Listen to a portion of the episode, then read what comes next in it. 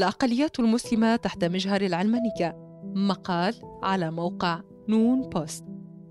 بعد تمرير إساءة صحيفة شارلي إبدو لنبي الإسلام الكريم من أعلى مراكز صنع القرار الرسمية في فرنسا بحجة احترام حرية التعبير والرأي. أثارت العلمانية جدلا واسعا بين التيارات السياسية والدينية المختلفة. فقد فتح التعصب الفرنسي ضد الأديان بابا للكثير من التساؤلات عن مفهوم العلمانية وتطبيقاتها. وأشكالها وتصوراتها سواء في أوروبا أو في البلدان التي اقتبست واستنسخت وصولها ومعتقداتها لاحقاً. ولعل السؤال الأبرز في هذا النقاش هو ما إذا كانت العلمانية تعادي الدين الإسلامي؟ على وجه الخصوص أم أن القضية متعلقة بحيادية الدولة من الدين؟ وهذا ما دفعنا إلى فتح ملف مسارب العلمانية الذي نطرح فيه أهم المحاور المتعلقة بالعلمانية ومواقفها تجاه المسلمين. وتأثيرها على مستقبلهم. العلمانية. تتعدد تعريفات العلمانية لكن أكثرها اتساقا واتفاقا.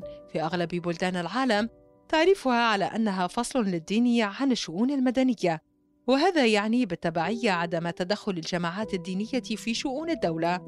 وبالمقابل لا تتدخل الدولة في الشؤون الدينية. لكن فصل الدين عن الدولة جعل الفكرة في بعض بلدان العالم وعاء يصلح لإظهار العداء لرجال الدين الملتزمين دينيا ونفيهم تماما من المجال العام وإنكار أي حق لهم في الوجود.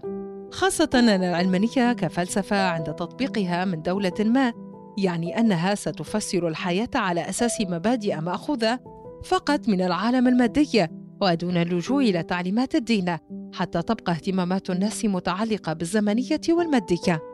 ساهمت عملية بناء الدول القومية بعد معاهدات وستفاليا عام 48 و600 وألف التي حسمت حرب الثلاثين عاماً في تحديد مفهوم جديد كامل للسيادة الوطنية.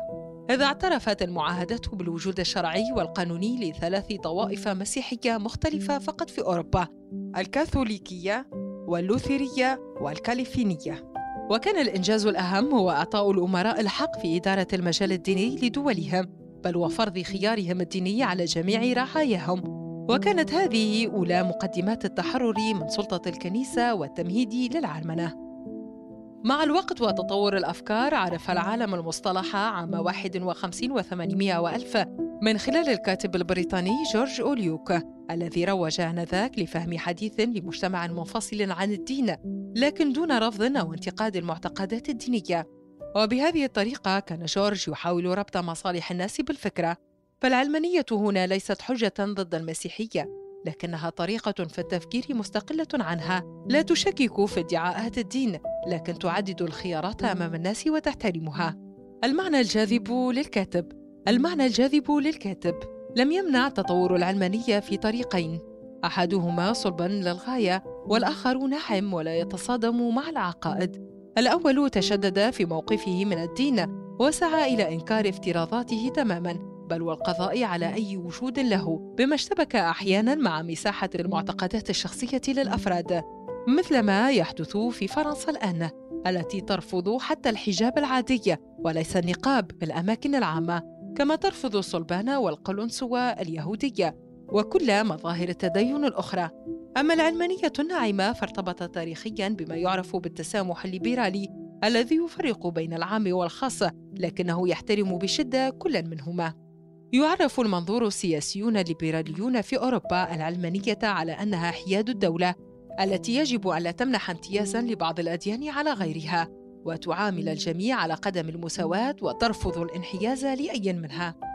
بعض التفسيرات الليبرالية وخاصة النمط الكلاسيكي وهو أقرب الأنظمة إلى الفلسفة الليبرالية تشددت في الحياد وفق مفاهيم دولة الحد الأدنى والفصل الصارم بين العام والخاص وأكدت في الوقت نفسه ضرورة أن تبذل الدولة جهدا معقولا لتلبية احتياجات الهويات الجنسية والعرقية والدينية وإعادة صياغة الفضاء العام للدول بشكل عادل للجميع. رغم قرب الثقافات الأوروبية لم تعرف العلمانية حتى الآن تطبيقا موحدا. صحيح أن العرف السائد في أوروبا الغربية على وجه التحديد هو نمط العلمانية المعتدلة التي تعتبر الدين أحد موارد الوطنية والهوية وخاصة بريطانيا وألمانيا والدنمارك. ففي بريطانيا على سبيل المثال الكنيسة معترف بها ككيان وطني ومؤسسة ضمن مؤسسات الدولة لكن الأمر ليس كذلك في الدنمارك. كما لا يوجد مفهوم بهذا المعنى عن الكنيسة الوطنية في ألمانيا لكن كلا الطائفتين من البروتستانت والكاثوليك على وجه التحديد تدفع الدولة الألمانية ضرائب نيابة عنهم بجانب تمويلها أنشطة رعاية مختلفة للكنيسة مثل رعاية المسنين. كل هذه المشاهد التسامحية لا يمكن مشاهدتها في العلمانية الراديكالية الفرنسية التي لا ترفض بشدة استيعاب الدين فقط بل ترغب دائما في فضاء وطني جمهوري لا يوجد فيه أي مساحة للدين مع ضمان الحرية الدينية الشخصية خارج الفضاء المدني أي أن المؤسسات العامة بكل أنواعها وأشكالها وفقا للتطبيق على أرض الواقع بما في ذلك الشوارع والحدائق والمتاجر يجب أن لا يكون لأي مظهر ديني أي وجود فيها. يزيد الموقف صعوبة للمسلمين في دولة مثل الصين وهو نمط مختلف عن الغرب تماما إذ تشدد حكومتها من رقابتها وتزيد من اضطهادها للمسلمين. بحجة العلمانية الضامنة للهوية الوطنية وخوفا من النزاعات الانفصالية. يتناقض ذلك مع الازدهار الاقتصادي للصين والتحديث السريع والثراء الذي يحتاج بحسب خبراء إلى ظهير روحي يحفز المؤمنين بالديانات ويلهمهم الرشد والحكمة في استخدام الثروة. لا سيما أتباع الإسلام والمسيحية والجماعات الدينية الصينية التقليدية.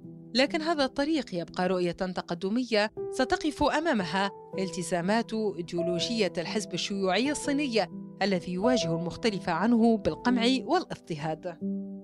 الإسلام واختبار العلمانية كما أسلفنا لم تكن أبدا طريقة التعامل واحدة مع العلمانية في البلدان المختلفة ما انعكس على المسلمين فتسعى دولة مثل بريطانيا لإضافة العديد من القوانين التكميلية بما يتناسب مع زيادة عدد المسلمين على أراضيها وبما يضمن إيجاد مساواة دينية تتماشى مع المساواة العرقية التي تتبعها الدولة بصرامة بينما تظهر السياسات على الأرض الكثير من المظالم وربما ما يحمد لأنجلترا سعيها دائما إلى التنسيق مع وسطاء ينوبون عن المسلمين من أجل تحديد هذه المظالم ومعالجتها. لكن فرنسا وهي النموذج الرئيسي الذي يمثل رأس حربة التصورات العلمانية الراديكالية تقيد حرية المسلمين الدينية مقارنة بكل دول أوروبا الغربية الأخرى. ونتج عن تشددها المتزايد تحالف جديد بين العلمانيين وخصوم المهاجرين من المسلمين على وجه التحديد. ونجح هذا التحالف في فرض المزيد من التشريعات المقيدة للحريات الدينية لا سيما تشريع حظر ارتداء الحجاب في المدارس العامة. تقف اليوم العلمانيه في طريق المسلمين إذ أرادوا الاستمرار بهذه المجتمعات خاصة مع تمكن الإسلام السياسي في أوروبا وتوغله في كثير من سياقات حياة المسلمين هناك. وانعكاسات ذلك على التوترات الأمنية وتصاعد الكراهية والإسلاموفوبيا. بحسب تقرير لمركز بيو للأبحاث تزايد تعداد المسلمين وأصبحت نسبة تمثيلهم في أوروبا وفق آخر تعداد عام 16 و2000 نحو 4.9% من إجمالي عدد السكان بنسبة ارتفاع بلغت نحو الواحد بالمئة عن تعداد عام 10 و2000 الذي كان نسبة تمثيل المسلمين فيه نحو 3.8% من إجمالي عدد السكان. هذه المؤشرات تفرض من وجهة نظر المركز الذي يتمتع بحضور كبير في الأوساط البحثية الغربية إيجاد سيناريوهات واتباعها مع المسلمين على وجه التحديد. الذي يحتمل أن يزيد عددهم الحالي إلى ما يقارب الأربعة عشر بالمئة من إجمالي عدد السكان عام 50 و2000 ترتكز السيناريوهات على مطالبة المسلمين بالانتماء لهويتهم الجديدة والتفوق كمجتمع إسلامي قوي ومتميز في أوروبا. وهذا يترجم عمليا أن كل مسلم أصبح مطالب بتتبع طريق المسيحي الأوروبي.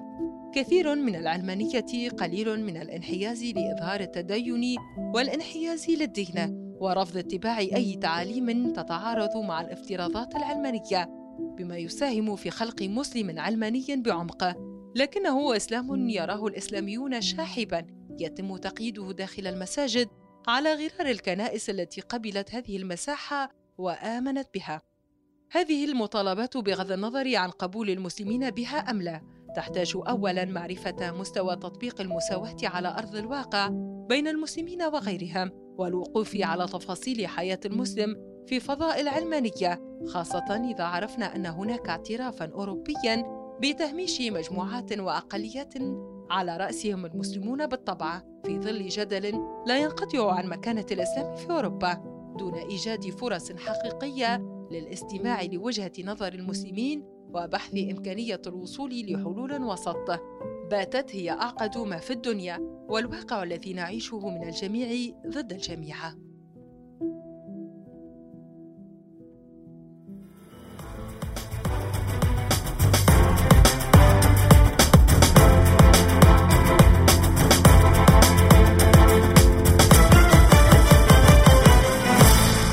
صدى نور